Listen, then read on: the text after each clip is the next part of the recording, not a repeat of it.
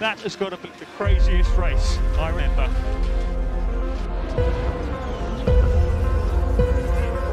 It's lights out and away we go. Yes, it's pole position.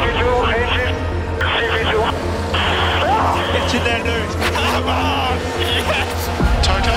Yes. It's called a motor race, okay? Still we rise, guys. Still we rise. You just won the Hungarian Grand Prix.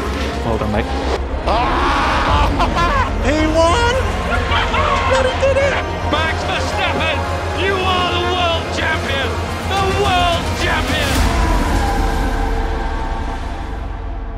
שלום לכם מאזינות ומאזינים יקרים, אתם על הגריד בפעם המי יודע כמה.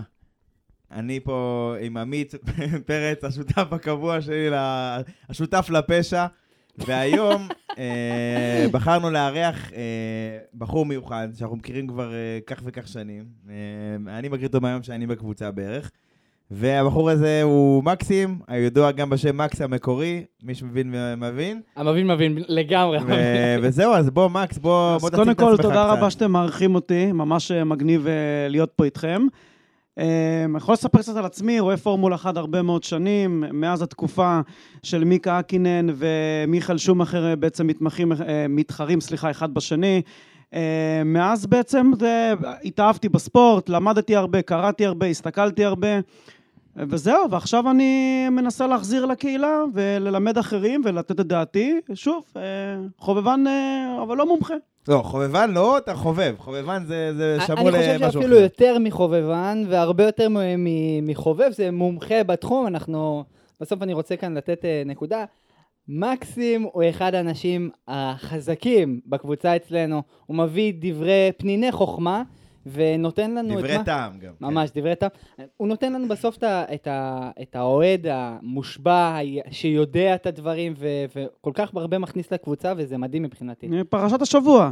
כן, משהו כזה, גם הוא, בוא נגיד, בוא נגיד שהוא הוא, אה, הוא פחות מאלה שמחכים אה, מדי שנה לעונה החדשה של נטפליקס, ויותר מאלה ש... אוריאל, אני הכי מחכה לעונה של נטפליקס. תקשיב, אני יושב בכיליון עיניים, ואיך שזה יוצא, אני ישר מוריד את הפרקים. בדוק, אבל...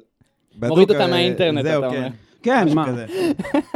טוב, בוא, בוא, בוא, נ- בוא נגיע לעיקר אחרי שהצגנו את מקסים. אה, והרי הכותרות שלנו, אוריאל.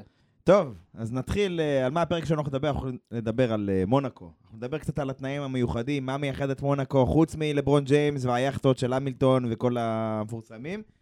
גשם, גשם, גשם מטפטף, תקראו לזה איך שאתם רוצים, מה שהיה כן. היה. איך פרארי זרקו לפח את המרוץ, הנה כבר עשינו לכם ספוילרים. אה, את הסיבה, אנחנו נספק את הסיבה העיקרית לעיכובים בבנייה של הרכבת הקלה, לא זאת שאתם חושבים, תאמינו לי. מבטיחים שיהיה תשובות לכל הדברים. כרטיסים כן. זולים, כרטיסים זולים. ולקראת הסוף אנחנו גם נגיע לפינה הכי חשובה, לטוב הרע והמכוער שלנו. טוב, יאללה, נקפוץ לתוצאות הפודיום. אה, פרז, מקום ראשון, סיינס, מקום שני, ורסטאפן, מקום שלישי. דירוג הנהגים, אוי, הולך לנו להיות כאן משהו מאוד מאוד אה, מאכזב מבחינת לקלר. ורסטאפן במקום הראשון, לקלר בפער של כבר תשע נקודות מאחורה. לא, תשמע, זה לא גדול, זה, זה לא 30 או 40, אפשר לסגור את זה, אבל זה כאילו לא, לא הכי נעים, נגיד. בואו ניקח את זה ככה, אה, אם נסתכל במרוצים האחרונים, לקלר כאן בדעיכה וזה מבאס, כי הוא הוביל בפער מאוד משמעותי. אם אתה זוכר את אה, פרק השלישי שלנו, המרוץ השלישי שלנו של הגריד מתחילת העונה, דיברנו על זה שכבר לקלר בונה מומנטום גדול, ברמה של הוא כבר פותח פער של מעל מרוץ. נכון. נכון, נכון, אחרי אוסטרליה אני חושב בדיוק. שגם אם הוא היה פורש זה לא היה משנה, ועכשיו הוא, אפשר להגיד שגם ברצלונה וגם מונאקו זה שני מרוצים ש... נגיד רגע, הוא היה צריך לנצח אותם ולנצח אותם בפער יפה. חד משמעית, חד והם משמעית. הלכו לו, הוא הלך לפ- אחד לפח אה, בלי ניקוד בכלל, השני עם ניקוד מסוים, אבל בוא נגיד, יש פה את ה-50 נקודות מינימום שהוא היה צריך לצאת איתם, אה, והוא לא יצא איתם. ובמקום השלישי אה, פרז, בפער של 6 נקודות. פרז חוזר לאליפות, יש לנו שלושה אנשים שיכולים להתחרות לאליפות העונה. מעניין, לא, ובטח, אם כבר ברצלונה, אחרי כל מה שהיה, שהוא פינה את מקומו, וזהו, פתאום, עכש- עכשיו הוא פתאום נכנס לתמונה. כאילו... היה כל הסוף שבוע טוב אה, מ- ממקס. לא, לגמרי. אנחנו נגיד לזכותו שהוא גם באימונים היה מהיר, גם בדירוג היה מהיר, אה, אה, למרות איך שהדירוג אה, נגמר עבורו, ו- וגם כמובן במרוץ. אז מה, מה. מה, כן, ספוילרים, כן, אנחנו עפנו פה 20 ספוילרים על ההתחלה. מה ביצרנים? אולי נמשיך ליצרנים. דירוג היצרנים, אז רדבול במקום הראשון, פרארי במקום השני עם פער של 36 מאחורה, ומרצדס אה, 65 נקודות מאחורה, אבל עדיין מחזיקה את המומנטום השלישי אה, במקום הטוב ביותר כן. מבחינתה. כן, תשמע, מרצדס אה, משיגה את הניקוד שהיא צריכה, אה, מיקומים 5-6, פודיומים פה, היא צוברת את הניקוד באופן אה, יציב. כנראה שכאילו, אה, בשלב כזה מוקדם, אה, אולי מוקדם להגיד, אבל כנראה שהיא לא תזכה באליפות היצרנים השנה, לא יודע. זה חושב מתחיל שהשנה, להתרחק. אני חושב שהשנה אפשר להגיד עליהם ש-beggars cannot be choosers, והאוטו שלהם חד משמעית לא מספיק טוב השנה מסיבות כאלה ואחרות, ומקום שלישי במצבם הנוכחי, חייב להגיד שאני ציפיתי שהם יחזיקו פחות. תשמע, אה, אה, דיברנו על זה בפרק הקודם שלנו, הם, הם אה, צברו הרבה ניקוד על ההתחלה, והם הרוויחו מההפקר. בבחריין מהפרישות של רדבול, באוסטרליה, ב- במיאמי, באימולה אפשר להגיד עם ראסל, בואו נגיד ראסל שמסיים עד עכשיו בטופ 5 כמעט כל כל מרוץ בעצם. תשמע, חלק אה, זה בזכות, חלק זה בחסד, אוקיי? הנקודות שלהם, אבל הם צוברים בינתיים נקודות, והעונה, בסוף סופרים את הנקודות בסוף העונה, ובסוף הם כן יסיימו גבוה כנראה. אבל אבל זה לא, זה לא נקודה באמת. עכשיו, אה, אם אנחנו מדברים, זה המרוץ של מונקו. ומונקו, אה, כמרוץ היסטורי, הוא גם אה, מקנה לנו הרבה תנאים מיוחדים לקראת המרוץ עצמו, מבחינת ה setup של המכונית. אז בואו נתחיל עם זה, אוריאל. אז כן, תשמע, מונקו הוא מרוץ מאוד מאוד מיוחד, מאוד מאוד, אה, ככה אמרת, היסטורי, משנת 29, אני חושב שגם מתחרים שם. נכון, הראשון הראשונה בשנת 29. עכשיו, יש אה, למונקו, חוץ מכל ה... מה שנקרא rich and famous, כל המפורסמים והסלבים וכל מה שזה מושך, כל הצהוב שזה מושך לשם, יש למונקו מאפיין אחד מאוד ייחודי, אי אפשר לעקוף שם. כמעט אי אפשר כמעט לעקוב אי שם. אפשר שם. אלא אם כן אתה פייר גזלי, נדבר על זה גם. או, יפה. או מוכן להתאבד. או מוכן, או שאתה מוכן, זהו. אבל אני חושב שלפני שהתחלנו את ההקלטה, מקס, אתה אמרת לי על איזה משהו ספציפי שראית שם, שגם אני אה, קראתי עליו ומאוד עניין אותי, כאילו, מה, אתה זוכר מדוע? כן, אז קודם כל, אה, אנחנו מדברים על התנאים המיוחדים של מונקו, אז במונקו יש את פניית הפרסה הידועה, הפנייה הכי איטית בסבב, וכדי בעצם לבצע אותה, צריך לעשות גיאומטריה חדשה של המתלים. העגל לא נשבר, בשאר המקרים במרכאות נשבר מספיק אה, במקרה הזה שמאלה, כדי בעצם לבצע את הפנייה בצורה יעילה, ולכן הם צריכים לתת שם עוד כמה אה, מעלות כדי בעצם להיות מסוגלים להשלים את הפנייה. אוקיי. יותר מהלך להגה. בדיוק. Uh, כדי בעצם לעשות את זה, יש סוג של wishbones שמחזיקים את הגלגל הקדמי קצת אחרים, המבנה שלהם שונה, הם גם טיפה משוחים לפי מה שהבנתי מהסרטונים. הם גם מחוזקים. מחוזקים וזה, אחרת. לא, הם- אה, ובעצם אוקיי. הם מאפשרים uh, להשלים את הפ- את הפנייה הזאת בצורה חלקה. שאלה כאן, מה זה אומר wishbones למאזינים שלנו? זה בעצם החלקים שמחזיקים את הגלגל במקום ומאפשרים לו רק לזוז בתנודות של למעלה ולמטה, ולא קדימה ואחורה. זה הזרועות בין, ה- בין הגלגל לשלדה. הזרועות A האלה, המוטות קרבון האלה, בין הגלגל לשלדה. נכון, העליונים והתחתונים. עכשיו, אוקיי, אז אה, סבבה, אז הבנו, יש גיאומטריה ייחודית של המתלים ודברים כאלה, כמו שאמרנו, נותן טיפה יותר מהלך. סבבה, למה, למה, ש... למה אני צריך את זה למונקו? למה אני צריך לחזק אותם, להזיז את המיקום שלהם? למה אני צריך לתכנן את כל הפארסה הזו רק למונקו? למה אני לא יכול להשתמש בזה בקנדה? אז קודם כל, אפשר באופן תיאורטי להמשיך להשתמש בזה, זה לא מומלץ במיוחד. בגלל שהגיאומטריה שם שונה, הם מחוזקים, גדולים יותר, גם טיפה משוחים לאחור, בעצם הם ייצרו מצב של גרר במהירויות גבוהות במסלולים אחרים. דבר שלא כל כך רצוי בפורמולה 1, המטרה של בסופו של דבר המכונית להיות מהירה ביותר, אה, ובעצם להעביר את האוויר בצורה חלקה ביותר וליצור כמה שפחות התנגדות, מה שהמתלים האלה בעצם לא יאפשרו להם. אוקיי, עכשיו יש עוד נקודה שאתה... הראשונה שאתה העלית היא באמת הג- הגיאומטריה שהיא ספציפית למונקו, השנייה זה העניין של הדרישות של הקירור במונקו, שהן גם, אה, לא רוצה להגיד ייחודיות, אבל אה, הם גם, פשוט צריך, צריך הרבה קירור. העניין הוא עם הבלמים ודברים כאלה, זה שפשוט אין להם זמן להתקרר. אוקיי, אנחנו מדברים על הקפה שהיא הקפה צמודה, מכוניות צמודות אחת לשנייה. אין עכשיו, זה לא בקו, י- קילומטר אה, ישורת, יש לה צמיגים, אה, אה, לא צמיגים, לבלמים זמן להתקרר ודברים כאלה, אין להם מנוחה. כל הזמן הם עוברים ממצב של בלימה למצב של, של התאוצה של המכונית. זאת אומרת, כל הזמן הב- הבלמים נמצאים תחת איזשהו עומס מסוים, אה, בוא נגיד במרבית זמן ההקפה, ויש מספר אירועים של כאילו בלימה כבדה. ולכן אין לבלמים מספיק זמן אה, בעצם אה, לפנות את החום ולהתקרר. מעבר לזה, בגלל שאין לנו ישורות ארוכות, בגלל שההצמדה כל כך חשובה, ודיברתי על זה בפוסט שלי בפייסבוק, גם ברמה שמוכנים לשלם את המחיר של הגרר. אז במקרה של הקירור של הבלמים, מוכנים להגדיל את הפתחי עברור האלה, גם אם הם מייצרים יותר התנגדות אוויר, העיקר כאילו לשמור על הבלמים שלא לא ייכשלו במערך המרוץ. זה זה, אבל אני חושב שמפה כן כדאי שנמשיך למה שהיה בעיקר ביום שישי, השנה זה גם, בשנים עברו זה היה בימי חמישי האימונים, השנה הזיזו את זה ליום שישי מכל מיני שיקולי עלות תועלת. אז מה, מה בעצם, מה היה לנו באימונים? דבר ראשון, אפשר לראות שהנהגים מאוד מתלוננים על היכולת שלהם לשלוט ברכב לעומת השנים האחרונות. אמ, ממש קשה יותר לנהוג ברכב, הם אומרים שבעצם המכונית עצמה, אי אפשר לדחוף אותה אפילו עד לקצה גבול היכולת, בגלל אותה תגובתיות של הרכב. עכשיו בעצם, לא רק שקשה גם לנהוג ברכב, גם קשה להבין איך הרכב יגיב במידה ולוקחים את הפנייה יותר אה, על הקרב, או לוקחים את הפנייה יותר רחב, אה, וכתוצאה מכך אה, לנהגים היה קושי מאוד רב באימונים. צריך לזכור שהקושי הזה גם נוצר מהעובדה של החלפת צמיגים. הצמיגים הם לא צמיגי בלון, כלומר יש פחות שיכוך לרכב, הנהג סובל מרעידות וקופצנות של הרכב יותר, שלא נדבר בכלל על תופעת הפרפסינג שבעצם מקשה גם ככה על הנהגים, וקבוצות כמו מרצדס שסובלות כבר מהתופעה הזאת במהירות נמוכה, גם על זה משלמות מחיר. העניין הוא כאן, בוא נגיד, אה, בשביל אה, באמת לפשט את העניין הזה, למה כל כך קשה, המכוניות פשוט יותר קשיחות השנה. דיברת על עניין של צמיגי בלון, לא כולם מכירים את המושג הזה, אבל בוא נגיד, הם עברו לצמיגים עם uh, טיפה פחות בשר. בסדר? מה שנקרא פה חתך נמוך, תקראו לזה איך שאתם רוצים.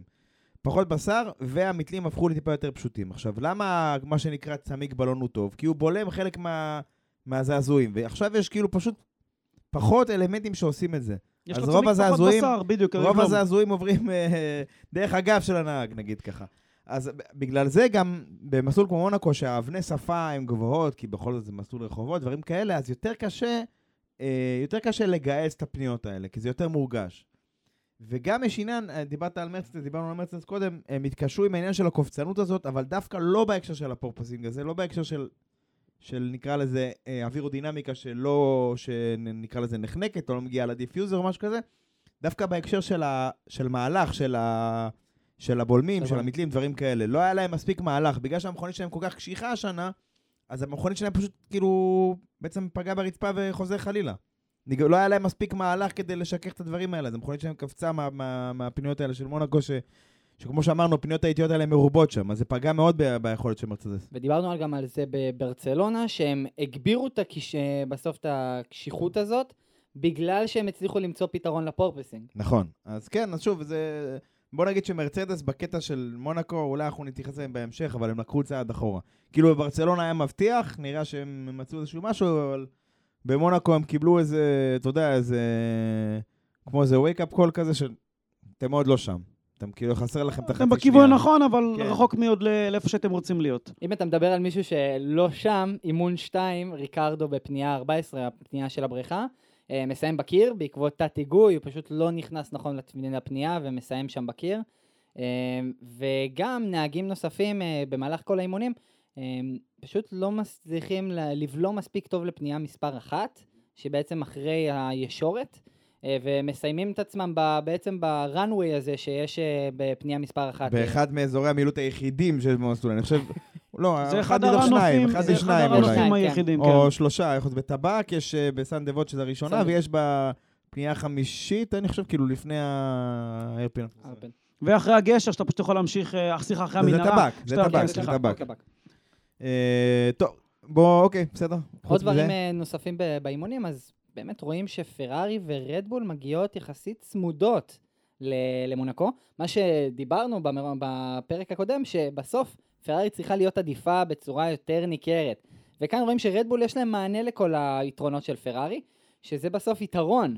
עכשיו, אם אנחנו מסתכלים באמת על, על התוצאות עצמם, רואים שפרז ולקלר ראש בראש בסימולציות אימונים, משהו שבעצם מעיד לבאות שיש סיכוי שאפילו בדירוג פרז יעשה איזה מהלך על אה, לקלר. תשמע, אני לפחות בשישי דווקא כן ראיתי את היתרון של פרארי נשמר, נגיד ככה. כאילו הם, בוא נגיד, הם באו למונקו, הם עשו את השיעורי בית שלהם, בהקשר הזה, במחלקות אחרות בפרארי, רמז, אסטרטגיה, כנראה נרדמו בשמירה, אבל uh, בקטע הזה, כבר מהרגע הראשון הם נראו מצוין. כאילו, הם ממש היו מהירים, לקלר בעיקר, טס שם, ואנשים בזמן שאנשים אחרים ניסו למצוא איזון, שלא לדבר על להישאר בגבולות המסלול, הם פשוט טסו שם. אבל כן, פרז באמת uh, ראה שם uh, uh, יכולת לא רע בכלל.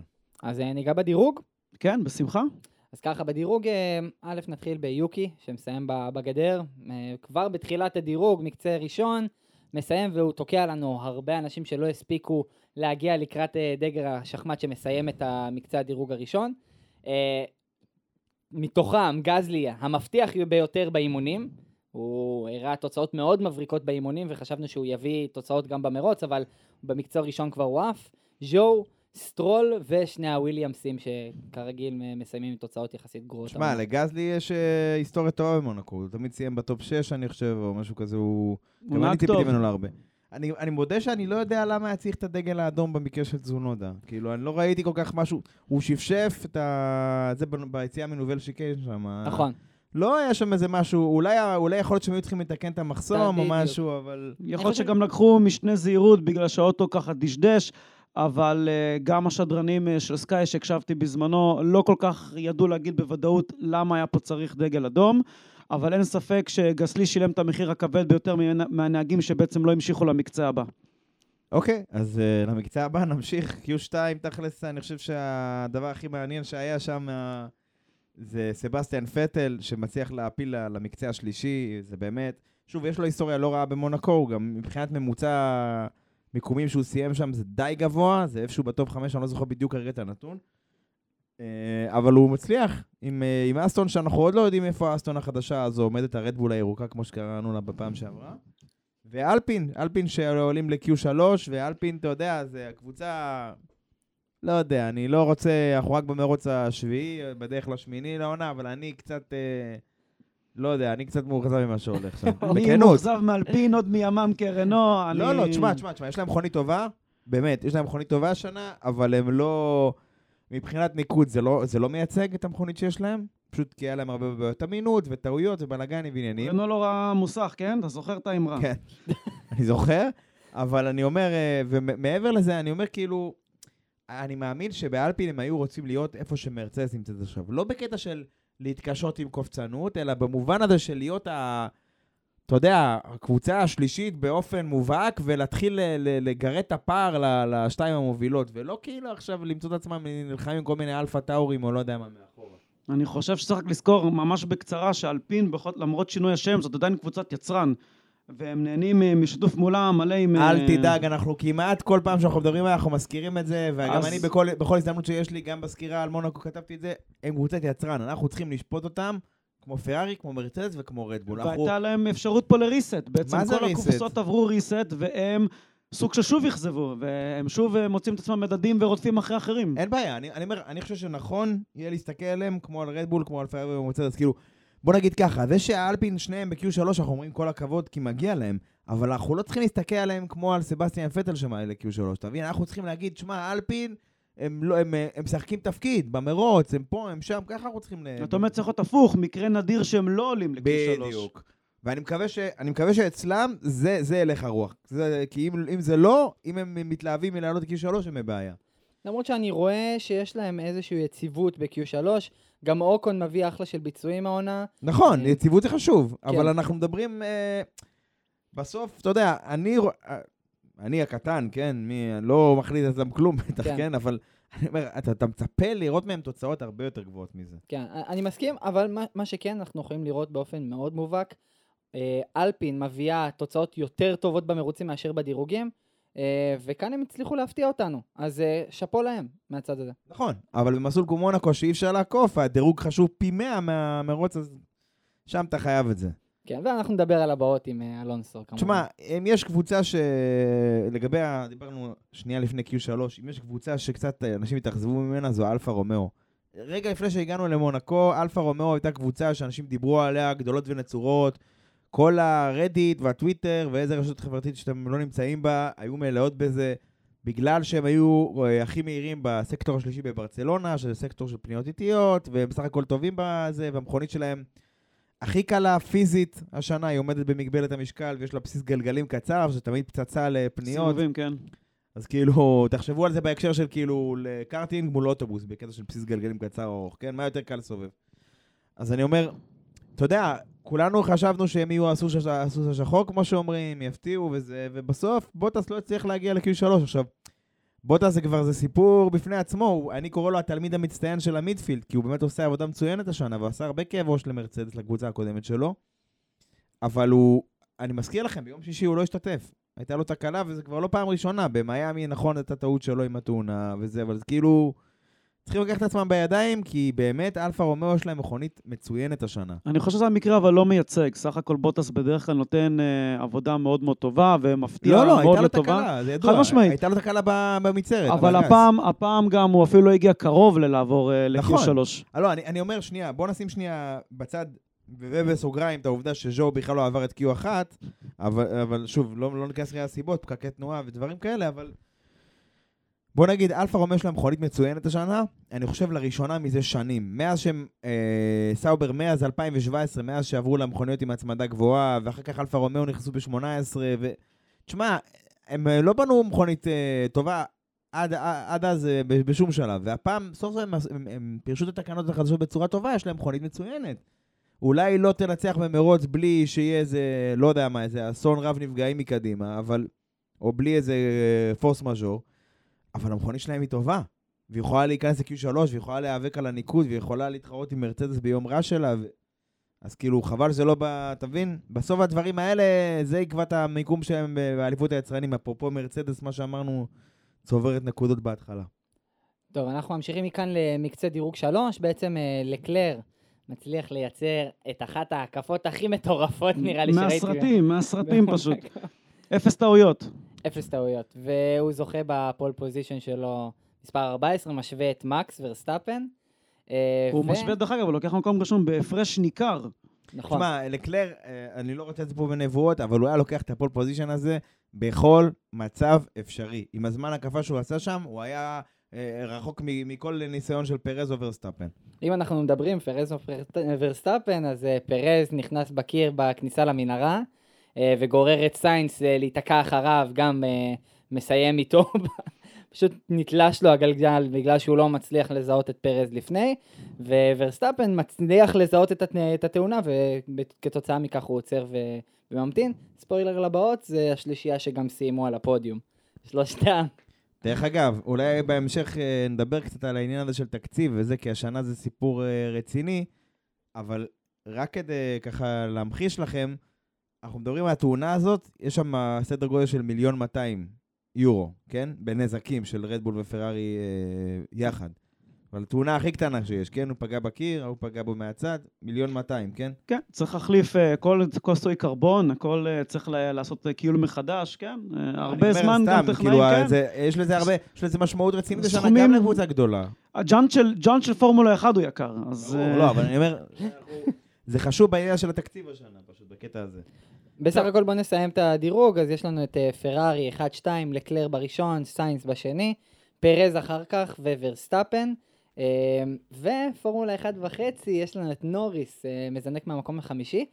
הצלחה גדולה מאוד לנוריס, ובכלל למקלרן להצליח להגיע לתוצאה כזאת, לעומת ריקרדו שלא הצליח בכלל אה, לעומתו. כן, היה עצוב מאוד לראות את ריקרדו מסיים הרחק מאחור, לא בעצם, אפילו לא, לא הייתי קורא לזה תחרותי. אה, זה פשוט מאכזב. אה, נוריס פשוט מצליח להוציא מהמכונית כל כך הרבה יותר, ונהג מנוסה כמו ריקרדו, שבעצם אני, יכול לדבר בשם עצמי, ציפיתי אה, ממנו לגדולות, גם נהג שאני מאוד מאוד אוהב ומעריך. ובעצם לצערי הרב הוא מא- מאכזב מאוד ו- ומספק אכזבות השנה. אתה כל הזמן חושב שהוא יגיע לאנשהו, ואוטוטו הוא שם, אבל בפועל הוא רחוק מאוד מאחור. כן. טוב, אה, מפה אולי נמשיך למרוץ? יאללה. שמחה רבה. טוב, אז אה, חיכינו קצת אה, לגשם שיגיע, דיברנו על זה שיהיה גשם בראשון, דיברנו על זה אולי בין שבת לראשון, מה יהיה, מה, מה, מה, מה זה. בסוף הגשם הגיע אה, בניגוד לציפיות, כי אני זוכר ששלחתי לכם ציוץ במהלך היום הזה שלא יהיה גשם, מה לא יהיה גשם. בסוף הוא הגיע. בסוף הוא הגיע והגיע ב- ב- ב- בעוצמה רבה. אה, ובעצם הנהלת המרוץ מחליטה שהיא לא מתחילה את המרוץ בתנאים האלה. קודם נכון. כל, נגיד שהקבוצות, בעקבות ההחלטה של הגשם והצפי של הגשם, כולם עברו לצמיגי הפול ווטס, הצמיגים בעצם לתנאים גשומים במיוחד. אה, אוקיי, ומכאן, אתה יודע, נכנסנו לאיזשהי זמן המתנה כזה, של לראות מה קורה, האם יחליטו להזניק תחת אה, מכונית הבטיחות, או לא תחת מכונית הבטיחות, האם יתקיים מרוץ. לא יודע, אני באותו רגע, היה לי וייבים של ספא שנה שעברה, סליחה, פוסט-טראומה של ספא משנה שעברה. אמרתי לעצמי, אני לא הולך לשבת עכשיו ארבע שעות ב- באיזה המתנה יוצאת דופן ולראות אותם מתמסרים בכדורגל באמצע ה pit או משהו כזה, כ- חד משמעית, אני... שבסוף יהיה לזה הקפה וחצי בשביל הקטע. ישבתי בעבודה, ואני בדרך כלל עושה הכל כדי לא להיכנס למדיה חברתית, כי אני בדרך כלל לא יוצא לי בצער רב לראות את המרוץ live, ואני מקבל ציוצים מחברי הקבוצה למיניהם שאומרים לי, וואלה, מקס, המרוץ לא מתחיל, ואני אומר לחברים, מה אתם הורסים? הם אומרים, לא, לא, אתה לא מבין, המרוץ לא מתחיל. ואני אומר לעצמי, כמו שאוריאל אמר, וואו, זה רע, זה רע מאוד, אני ממש לא רוצה ספא. קיצור, בסופו של דבר, אה, מנהל המרוץ, שנגיד שזה כולה הפעם השנייה שלו, בספרד, אני- כן, אמיתי, אמיתי. זה נכון. ב- בספרד הוא היה פעם ראשונה. שהוא בחור שהוא מנוסה, אני חושב, ב- בוואק ודברים כאלה, סדרות כאלה, אבל בקיצור, אה, החליטו ללכת על בטוח. בדיעבד גילינו שהייתה להם איזושהי תקלת חשמל במערכת זינוק, אבל עזוב, זה לא משנה, בדיעבד כולנו חכמים. באותו רגע כצופה, אתה אומר לעצמך, אני מקווה שיהיה מרוץ. זה הדבר, זה הדבר הראשון שאתה אומר לעצמך. הדבר השני זה, חבר'ה, תנו להם להתחרות. הם, הם הכי טובים בעולם, מכוניות בצוותים הכי מקצועיים שיש. תנו להם להתחרות. למה אנחנו מחכים? שיהיה חמסין? דרך אגב, ורסטאפן אמר בקשר, למה לא נותנים לנו להתחרות? וברנדל מסכים איתו, אומר, באמת למה נותנים להתחרות? זה לא פעם ראשונה שיש גשם. קיצור, יצאו תחת, אה, אה, בהובלת ה safety car, אה, יצאו קצת אה, לאיזה סיבוב... אה, סיבוב אה, דאווין. סיבוב כן, אה, לבדיקת השטח. וזה עוד פעם פוסט-טראומה לזה, לספא, כי... נכון. לא, למזלנו זה יצא עם כל המכוניות, ולא. לבד, אבל... אה, קיצור, אה, לטיפי וסטרול ניצלו את ההזדמנות ושפשפו את הקיר אה, ב- באותה הזדמנות, והביאו להוצאה אה, בפועל של ה safety car. זאת אומרת, הפעם לא כמובילה של זינוק מאחורי הסייפטיקר, אלא כסייפטיקר, סייפטיקר. עד שיפנו את המפגע מה... אה, זה מצחיק, עד שלטו לטיפי מהמסלול, עד שהוציאו אותו לחלוטין. בדיוק, לטיפי דיבר שם שלא, לא היה לו היגוי, נכנס בקיר כתוצאה מ... אפרופו היגוי, כן, כן. במונאקו. אולי- אולי לא התקינו לו את המערכת הזאת. לא נתנו לו עוד קצת מעלות. שמו לו. אגו של, אגו של אה, סימולטור במחשב בכלל. אה, זהו, נתנו לו שלט, כן. אה, משם, משם נגיע לזינוק, אז הזינוק היה בעצם בשפה המקצועית rolling start. בעצם מה שקורה, מכונית המז- הבטיחות מסיימת את ההקפה, נכנסת ל pit, ונותנת למוביל לה- להתחיל בעצם את הזינוק, כמו בעצם restart של אה, מכונית בטיחות. כמו באיפה זה, ב IndyCar או ב NASCAR יש כאלה, לא? ב NASCAR הם אה, מתחילים, אני חושב, ב rolling start, כן. אה, ולקלר, בואו נגיד ככה, שורה תחתונה. קשה מאוד לעקוף את מונקו, במונקו, ו rolling start זה הזינוק הכי גרוע שאפשר, ל- שבתור צופה לאחל ל- לראות במונקו, כי פשוט אי אפשר לראות את, הז- את, ה- את העקיפות היחידות שיכולות להיות במונקו. לגמרי. שלא נדבר על הכאוס בסוף פנייה אחת, לפני הפנייה, אה, ישר אחרי הישורת. שטח כמעט ואין run off areas, גם ככה צפוף, ולא מעט פעמים, ומסתיים שם בתאונה. זהו, גם ככה, ככה, אתה יודע, יש מלא ביקורת על המסלול הזה, וברקע זה שיש לנו כל מיני דיווחים על זה שיכול להיות שלא ימשיכו שם, וכל מיני דברים כאלה, אז גם ככה הביקורת על המסלול הזה שהוא יותר כמו תהלוכה ופחות כמו מרוץ, אז... אז ברולינג סטארט זה הכי מצעד כאילו של יום זה העצמאות. קיבוע כזה, של כן. המקומות פחות או יותר. כן, בדיוק. בסדר, טוב, אוקיי, יצאנו לדרך אה, בשעה טובה, מוצלחת, אחרי כך וכך זמן, אחרי שעה ומשהו לדעתי זה לקח, עד נכון, שמה שקרה, שעה כזה. ורבע, משהו כזה. אה, גם הספ- הספקנו לעשות אפילו live בקבוצה עד שיודיעו, משהו זריז כזה, אני ורועי. אה, מעבר לזה, בעצם אה, התכנסנו לאיזשהו, לאיזשהו מצב, חוץ מכמה נהגים אמיצים כמו שומאכר ופייר גזלי וכל מיני חבר'ה כאלה שעצרו על ההתחלה לצמיגי intermediates, לצמיגי ביניים הירוקים. סך הכל אה, הרביעייה הראשונה, שזה לקלר, סיינס, אה, פרז וורסטאפן, נשארו על ה full wets וקבעו הקפות אה, לא רעות. אפילו הייתי אומר שלקלר פותח איזה פער קטן מסיינס, כאילו הוא הצליח לשמור על איזו הובלה יפה. לא עכשיו 30 שניות, אבל 3-4-5 שניות שבמונקו זה שווה לא מעט. במקביל, אה, אם אנחנו מדברים, המסלול היה רטוב, וכתוצאה מכך היו הצלות מטורפות של נהגים, פשוט הצילו את הרכבים שם בצורה מאוד קיצונית, עם תגובות מטורפות של, של נהיגה. באמת, הטוב מתוכם זה היה סיינס, שעשה שם אה, באמת הצלה מטורפת, וגואן יוז'ו. וניוז'ו זה, זה ראלי כבר, זה לא פורמולה, אתה יודע. מה זה... מה שמדהים שאתה דריפט, זוכה, דריפט, לא זוכה רלי. להבין כמה שהצלה מטורפת בהילוך איטי, כי כשמראים את זה בזמן אמיתי, במיוחד מהקוקפיט, זה נראה שנייה וחצי והכל תקין. זהו, אבל- אנ- אנחנו ממליצים לראות את הסרטון של ז'ו, זה ביוטיוב של הסבב הרשמי. זה, זה באמת, רק כשאתה רואה אותו בהילוך איטי, אתה מבין איזה הצלה יהיה פה. כשאתה רואה את זה מהאונבורד, כמו שאמרת, מה, כמו שקראת לזה קוקפיט, אז, אז זה נראה כאילו הכי קל בעולם. טוב, הוא מחזיר את ההגה חזרה, כאילו חוזר ל... זה ל... שנייה על, ה- על השעון, אבל במציאות, שרואים את זה מהצד, מחוץ למכונית, בהילוך איטי, זה פשוט מהמם, ומראה בעצם את הכישורים המטורפים שיש להרבה נהגים שם בסבב. עכשיו אנחנו, אה, אה, פעם ראשונה שאנחנו רואים עקפה, אה, עקיפה על המסלול, פטל ואוקון. אז אוקון מצליח לעקוף את, פ- את פטל אה, באזור של המנהרה, אה, ופטל ביחד עם פייר גזלי נכנסים לאינטרס כדי לנסות לייצר איזשהו מעבר יותר טוב, כי אה, בסוף המסלול התחיל להתייבש. וגם לא היה צפי. זה, נכון, עמית העלה פה נקודה מצוינת. ה- אנחנו צריכים, אה, לכל מי שמאזין, צריך להבין את תמונת המצב באותו רגע. המסלול לך, היה גשור בתחילת הדרך, אבל לא היה צפי לגשם נוסף, הוא הולך ומתייבש מרגע לרגע. אז הקבוצות צריכות להחליט מי עוברת לצמיגי ביניים, אה, והרווח פה הוא ברור, אמנם אתה יוצא בסוף הטור, אבל אתה הרבה יותר מהיר, ומי מנסה למשוך, ו... ומה שנקרא להגיע לצמיגי הסליק, לצמיגי היבשים החלקים, בהמשך הדרך. אנחנו נחזור לנקודה הזו, כי היא חשובה, אבל רק חשוב היה להבין את המצב. עכשיו, פייר בעצם, אה, האסטרטגיה של, אה, של אלפה טאורי כאן היא מסוכנת, כמו שאוריאל אמר, פייר יוצא אחרון כתוצאה מההחלפה, אה, והוא צריך לעלות במהלך, ה, באמת אה, לעקוף עוד נהגים. עכשיו, זה סיפור, אנחנו מדברים על מונקו, אבל פייר גזלי עושה את הבלתי יאומן, ומצליח בעצם לייצר רצף עקיפות מטורפות, כל עקיפה יותר יפה מהשנייה. הוא נתן שואו פשוט uh, מפלצתי, אני זוכר הסתכלתי בטלוויזיה, אני אומר, רגע, אני מסתכל על מונקו עכשיו, זה, זה בטוח? וזה היה פשוט uh, מהמם, ההפרש על הצמיגים האלה, וההופעה שהוא נתן, וההימור שבעצם הם לקחו, מאוד מאוד השתלם, אה, אבל במונקו כמו במונקו, כל טור קטנה יכול גם לסיים אותו בתוך הקיר, ובעצם uh, לסיים את הסיפור. ברור, לא היה ברור הרי שהאינטרס יעבדו. אבל צריך להגיד, כאילו, הזמנים שפייר ו- ושום אחר והחבר'ה האלה קבעו, היו זמנים טובים וזמנים מהירים. אבל לא בהרבה מאשר החבר'ה, הרביעייה הראשונה שדיברנו עליה עם הפול ווטס בהתחלה. ולכן, אולי לפחות בשלב הראשון, נראה שלא חייב לעבור לאינטרס על ההתחלה. עכשיו, אם אנחנו גם מדברים על התנאים האלה, אנחנו בדיוק, אה, הזכרתי קודם את הסוגיה הזאת של מה, מה כדאי לעשות. האם כדאי לעבור לצמיגי ביניים, ב- לתנאים לחים, או לנסות למשוך עוד קצת אה, זמן וביצועים ולעבור ישירות, לקחת איזשהו סיכון מסוים, לעבור לצמיגים החלקים, מה שנקרא סליקס, ואז כאילו במידה ואתה מצליח לשרוד על המסלול ולא להיכנס באיזה קיר, אז אתה מרוויח כאילו באופן משמעותי. אז uh, הפיץ של פרארי, שאנחנו נדבר עליו עוד רבות, הציע ל- לסיינס, בוא נעצור ל- לאינטרס. הוא אמר, לא, אני מעדיף להישאר בחוץ, יאמר לזכותו, כן? יאמר לזכותו, הוא העדיף להישאר בחוץ כדי לעבור לסליקס בשלב יותר מאוחר. הבנו? את הרצון? יפה. כן, כן.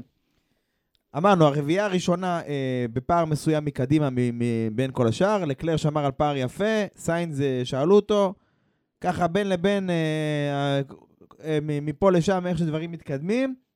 רדבול, אה, כהרגלם בקודש, מחליטים אה, מה שנקרא לראות ראשונים ועוצרים את פרז. עוצרים את פרז למה? לצמיגי אינטרס, לצמיגי אה, ביניים. אה, זאת אומרת, עדיין לא, לא לתנאים יבשים, לתנאי ביניים שהמסלול טיפה חלקלק מפה. דאז החלטה מאוד חכמה. בדיוק, כתוצאה כמובן מהביצועים של האינטרס, אה, פייר גזלי וכו'. נכון, כי, כי ככל שהתקדמנו, אז הם יראו את, את היכולת שלהם. עכשיו, מה הם עושים פה? הם ניסו לעשות לפרארי אה, אנדרקאט, לאלץ את, אה, את פרארי להגיב עם אה, לקלר. מה שזה אומר, פרז עוצר מוקדם, אנחנו יודעים. אה, עוצר, יוצא החוצה, קובע הקפות מספיק מהירות, כדי שלקלר יצטרך לעצור, הוא יצא אחריו. זה הרציונל הכי פשוט מאחורי זה. יש מאחורי זה 20 אלף תוכנות וסימולציות שמריצות בת... מתי בדיוק הוא יצא ומה הוא אוכל לארוחת בוקר, אבל בצורה הכי פשוטה זה זה. עכשיו, אני רוצה כאן לתת נקודה, כי לקלר, אה, פרארי רצו ללכת על אה, מהלך תגובה. סיינס לא רצה לשחרר, כי הוא רצה ללכת ישירות על slicks, בעצם על, על אה, ללכת על ה hard. דרך אגב, זה צעד חכם. אם הוא היה מסכים להם, הוא היה מוצא, הוא היה מוצא את עצמו במקום כן, הוא רביעי. התנגד, הוא אמר למנהל מרוץ שלו, תשמע, הפעם הבאה שאני מחליף, זה ישר ל slicks. שמע טוב, אם הוא היה עוצר ל inters, והם יכולים לה- להגיד לו, תשמע, אדוני, אנחנו רואים את הדאטה, אתה תעצור, הוא היה מסיים במקום הרביעי. הוא לא היה מגיע לאן שהוא היה מגיע, הוא היה נתקע מאחורי הרדבולים חופשי. אז בעצם אה, פרארי החליטו לקחת את לקלר לאותה חוויה מטורפת. נכון, אבל, אבל כאן, שוב, זה שזה יתברר בטעות, אנחנו כולנו יודעים, אבל כמו שאומרים, הם היו חייבים. למה? בגלל העצירה של פרז. הסברנו למה הם חייבים להגיב לפרז, נכון? חייבים. עכשיו- הם לא יכלו להשאיר את, אה, בעצם את לקלר ללא, ללא מענה. כי אם פרז יוצא עם צמיגים מהירים יותר ומתחיל לרדוף ולקלר לא יהיה תשובה, הוא ימצא את עצמו מהר מאוד בעמדת נחיתות. בדיוק. נכון. עכשיו, אני... זה, זה מעניין, כי פרז הוא מספר, מספר 2 בקבוצה. ורואים שבפרארי אין מספר 2 מאוד מובהק. עדיין לא. עדיין לא.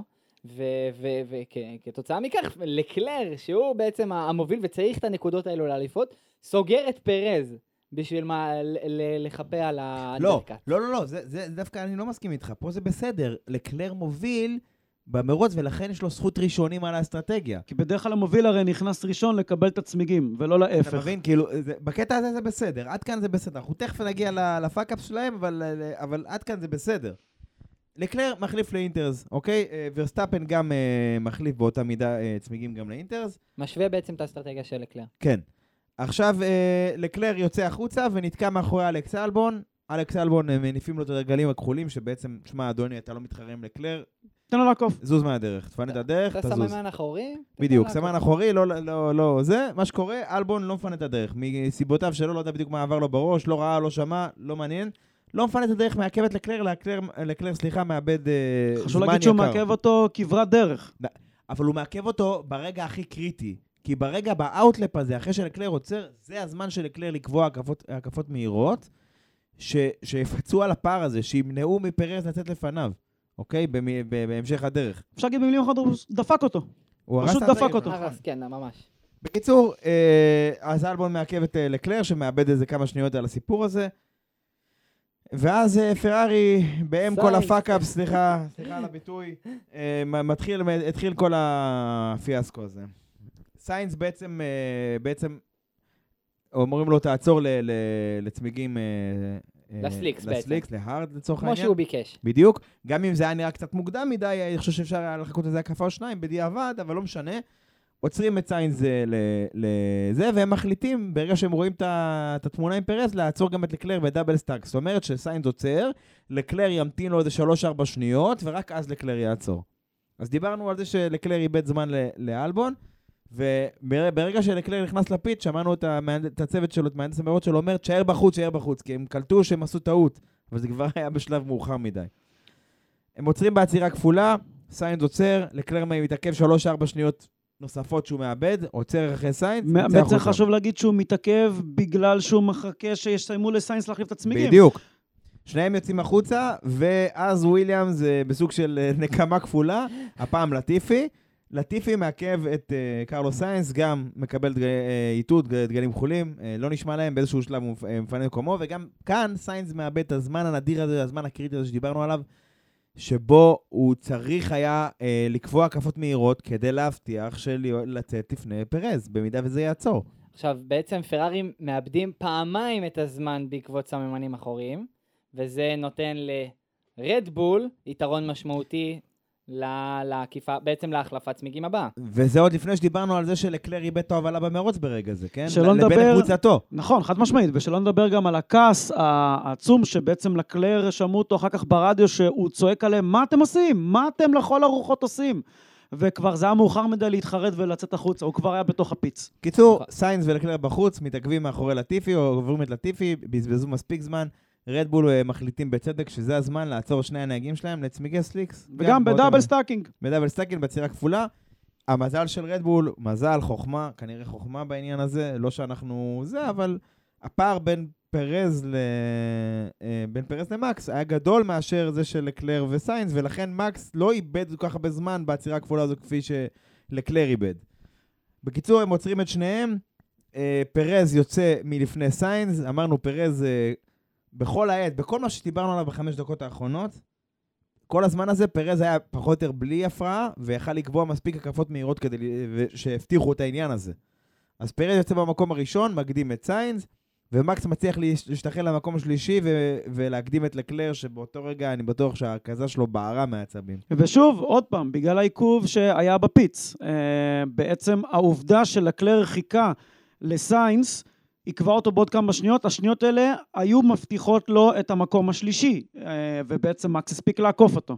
נכון, אז שוב, יש וויליאמס, יש עיכובים, היה לא מעט אה, דברים כאן, שוב, אנחנו נתנו את כל הברקדאון של זה, אבל באופן כללי, כאילו, מכאן היו כמה ניסיונות לשינויים, אבל בסוף זה, זה קצת קיבע את התוצאה של המרוץ. שורה תחתונה, פרארי הפסידו את האסטרטגיות במרוץ שחייבים לשבת על האסטרטגיות בצורה הכי הכי קריטית. מה זה חייבים? תקשיב, זה היה מרוץ קלאסי, ניצחון של אקלר, חמש שניות מקדימה, עוצר, אף אחד לא מפריע לו, אף אחד לא נוגע בו, מסיימים אחד ושתיים, נגמר הסיפור. זה כאילו, אתה יודע, ניקוד, ניקוד כאילו נקי של פרארי. ורדבול היו מהירים, הם יכלו קצת להגיב, אבל במונאקו, כמו שהבנו, קשה לעקוף. אז באמת, אני חושב שפה פרארי, כמו שאומרים כסף על הרצפה, הם זרקו פה את הניקוד ל- ל- אני הייתי לפח. משתמש לו במושג אפילו רויאלי פאקט. כאילו, כן, הם פשוט עשו את כל השגיאות האפשריות בספר. כמובן שגם היה פה קצת חוסר מזל וחוסר ציות של אה, שני הוויליאמסים, אבל בסיכומו של יום, הם ממש ממש אה, קלקלו לעצמם את האסטרטגיה. תשמע, וויליאם זה מה שנקרא אין, שליטה. אלא אם השופטים בוחרים להעניש, יענישו, אין בעיה. אבל זה מה שנקרא תנאים ב... זה לא בשליטתך. כאילו זה כן, כי אתה מחליט מתי לעצור אותם ולאיזה תנועה הם יצאו, אבל אני אומר, מרגע שזה קרה צריך להתמודד עם זה, לעקוף אותם. מה שכן בשליטתך, זה המכוניות שלך וההחלטות שלך. ואם אתה טועה בזה, זה, זה הטעות הכי קריטית כאן, אתה מבין? כאילו העובדה שהקטע שעיכבו את לקלר, ו... בסוף, אם היו משאירים את לקלר קצת בחוץ ולא ממהרים להכניס אותו, יכול להיות שזה היה עדיף. כאילו, לא להכניס אותו לס- לסליקס על ההתחלה, הייתם משאירים אותו על האינטרס. הוא היה מספיק מהיר על ה wets, היה פותח איזשהו פער סביר, ובכל זאת זה מונאקו, ובהמשך צפו לנו עוד אירועים. הוא יכל להישאר מלפנים, ובמונאקו, מה שנקרא, המיקום על המסלול, מה שנקרא, איך הם קוראים לזה בסקאי, track position is king, אחי. במונאקו זה הדבר הכי חשוב. שום דבר לא יותר חשוב מהמיקום על המסלול. ראינו את זה בהמשך, מכוניות שהיו פי מאה יותר מהירות, לא הצליחו לעבור מכונית אחת שאנחנו נדבר עליה בהמשך שהיא הרבה יותר איטית מהן. ובסוף זה גם התוצאה של המרוץ, בעצם מהמקום הראשון עד הרביעי, לקלר ופרז וסיינס וורסטאפן, אותו דבר בדיוק. נכון, היו ניסיונות וזה יכל להיגמר אחרת, אבל באופן כללי זה, זה הקפיא את המצב בקטע הזה. שני הכיסאות השניים סיימו ראשונים, ושני הכיסאות הראשונים סיימו במקום מאחורה. אה, מכאן אנחנו עוברים לאירועים שהיו לנו במידפילד. אה, נתחיל עם המילטון אוקון, שהיה אירוע מפתח. אה, המילטון אה, בעצם אה, מנסה, בעצם אוקון מנסה לעקוף את המילטון. אה, המילטון משאיר לו מקום אה, בעצם כדי לבצע את העקיפה, אבל אוקון נכנס בו. חותך אה, אותו מוקדם מדי. ממש חותך אותו מוקדם, למרות שאוקון התלונן על זה שהמילטון נכנס בו למרות, והוא לא השאיר לו מקום, אבל המילטון נסע בדיוק לפי הספר ו- ונתן לו את המקום שהוא צריך, פשוט אה, אוקון ניסה מהלך שהוא יותר מדי פנטזיונרי. היה אופורטוניסט, ניסה לס... לחתוך אותו מהר כדי לקבע את המקום שלו, וכתוצאה מזה עשה נזק אה, לכנף של המילטון. וחמש נקודות, אה, חמש שניות עונש מקבל אוקון כתוצאה מכך. אה, עוד דברים שקרו, בעצם אלבון מקבל אה, גם חמש שניות אה, כתוצאה מיציאה מגבולות המסלול וגם שמירה על יתרון. ואירוע, אחד הגדולים שהיו לנו, מיק שומאחר, אה, בעצם מיק נכנס בקיר באזור הבריכה, מאבד את הזנב. לפני ו- פנייה 15. בדיוק, לפני פנייה 15, ב- בעצם בזיגזג. בטק פרו, כן. נכנס ומפצל את המכונית לחצי. שזה בחיים לא ראיתי מכונית ככה ארוסה. לא, רגע, רגע, ראינו, דווקא ראינו, אותו בסעודיה, בדיוק ככה. אה, נכון, בדיוק זה. נגיד שנייה שאני לא יודע, דיברו על זה שמה, איך האס מתפרקת בכזו קלות, וכל מיני דברים כאלה, גם בקבוצה שלנו, גם במקומות אחרים, זה אמרו... אינדוס בכוונה בעצם. אז סבבה, אז כן, אז חשוב שנגיד שנייה, גם, זה מסקנות מהתאונה של רומן גרוז'אן ב-2020 בבחריין. אה, הם תכננו את זה כדי שב... נקרא לזה שיהיו כאלה כוחות גזירה כאלה גדולים, זה פשוט יתפצל מהמכונית, שזה יספוג את עיקר האנרגיה. כדי שהנהג יצא ללא פגע כמו ששום אחר יצא. עכשיו, אה, זה, זה מסתכם בזה, ויש המון השקעה בתחום הזה של בטיחות, ורק השנה הוסיפו 50 קילו חיזוקים לשלדה, רק, רק בשביל הדברים האלה. אז אני לא יודע אם זה כשל בתכנון של האס או לא, בשורה התחתונה, הגוף ספג את עיקר האנרגיה, ולא הגוף, השלדה ספגה את עיקר האנרגיה, ולא הגוף של הנהג, וזה מה שחשוב לדעתי. לא משנה כרגע מה זה. כאילו, אחרי תאונה כזו שהוא יוצא בלי פגע, זה הדבר הכי חשוב. אז כתוצאה מכך בעצם אה, היה דגל אדום, אה, בגלל שהיו צריכים ת- לפנות את ה... את ה... לא לפני? שהיו כמה הקפות תחת מכונית אה, בטיחות תחת דגל צהוב, כנראה החליטו שצריך לתקן את הגדר, יש נזק גדול מדי, הרי אסור להמשיך את המרוץ עם גדר פגומה, ואז עצרו את המרוץ. זה המקום לתת את הציון לשבח למרשלים של מונאקו, שהם פשוט יעילים בצורה בלתי רגילה. כאילו, כמובן שהם מוכנים עם עגורנים והכל, אבל המרשלים עצמם פינו את המכונית בשנייה, פתתים, צ'יק צ'אק. בוא נגיד, המסלול הבא שה- שהסב הולך לבקר בו זה סיפור אחר לגמרי. אכן, אכן כך. אז מכאן אנחנו ממשיכים בעצם אה, לרולינג סטארט, השני. אה, בעצם אה, אנחנו, בגלל הדגל האדום, עושים עוד פעם זינוק, וכתוצאה מהתקלה שהייתה בזינוק, באותה מערכת שמאפשרת את הזינוק, אה, עשו עוד פעם rolling start, שעוד פעם, כמו שאמרתי, במונאקו rolling start זה לא הכי כיף לראות. אה, וכאן זה, זה עוד פעם משמעותי, כי פרארי לקחו את התרכובת הקשה, שאותה תרכובת שהם עשו עם את הפשלה, ורדבול ומרצדס החליפו לתרכובת בינונית חדשה. עכשיו, זה, זה בעצם איזשהו, מהצד שלי, איך אני רואה את זה? רדבול כאן אה, לוקחת הימור, כי אנחנו, יש לנו עוד הרבה עד סיום המרוץ, והבינונית זה לא הכי אה, תרכובת לה, להמשיך איתה עד הסיום. נכון, יש לה- יש לה את זה אה, אבל עוד צד, אבל זה לא רק כן, זה. כמובן, קריסטר הורנר, דרך אגב, בריאיון אמר שהשיקול של האסטרטגי שלהם היה מאוד פשוט. הם האמינו שהתרכובת תחזיק מעמד עד הסוף, אבל הם רצו לתת יתרון לפרס לברוח לסיינס ולמקס להדביק את סיינס. עזבו שבסופו של דבר זה לא עבד, אבל זה היה השיקול מאחורי האסטרטגיה הזאת. זהו, הם היו אמורים לברוח קדימה רדבולים לפרארי, אבל בסוף פרארי הצליחו להחזיק מעמד ו... ולהיצמד עליהם, אז זה לא הסתייע כל כך. טוב, תשמע, אה, בואו ניגע קצת. בדברים שהיו. במיטפילד. דיברנו קצת על החזית, דיברנו על גזלי, דיברנו על זה, אבל היו... היה איזשהו אירוע מאוד מאוד מרכזי ב... באותו שלב של המרוץ. אני חושב ש... אלונסו ו... והרכבות, למי שטעה למה מתעכבת העבודה על הרכבת הקלה, תאשימו את הקטר, את אה, פרננדו אלונסו. כן, חד משמעית, אה, הוא היה פשוט איטי בקטע מאוד מאוד קיצוני. הוא קבע קצבים מאוד נמוכים לעומת המידפילד, ותקע את כל המידפילד בשביל אה, להתקדם. עכשיו, זהו, זה פחות או יותר שתי קבוצות. בדיוק. עכשיו, מה בעצם כל הסיטואציה? מה קורה?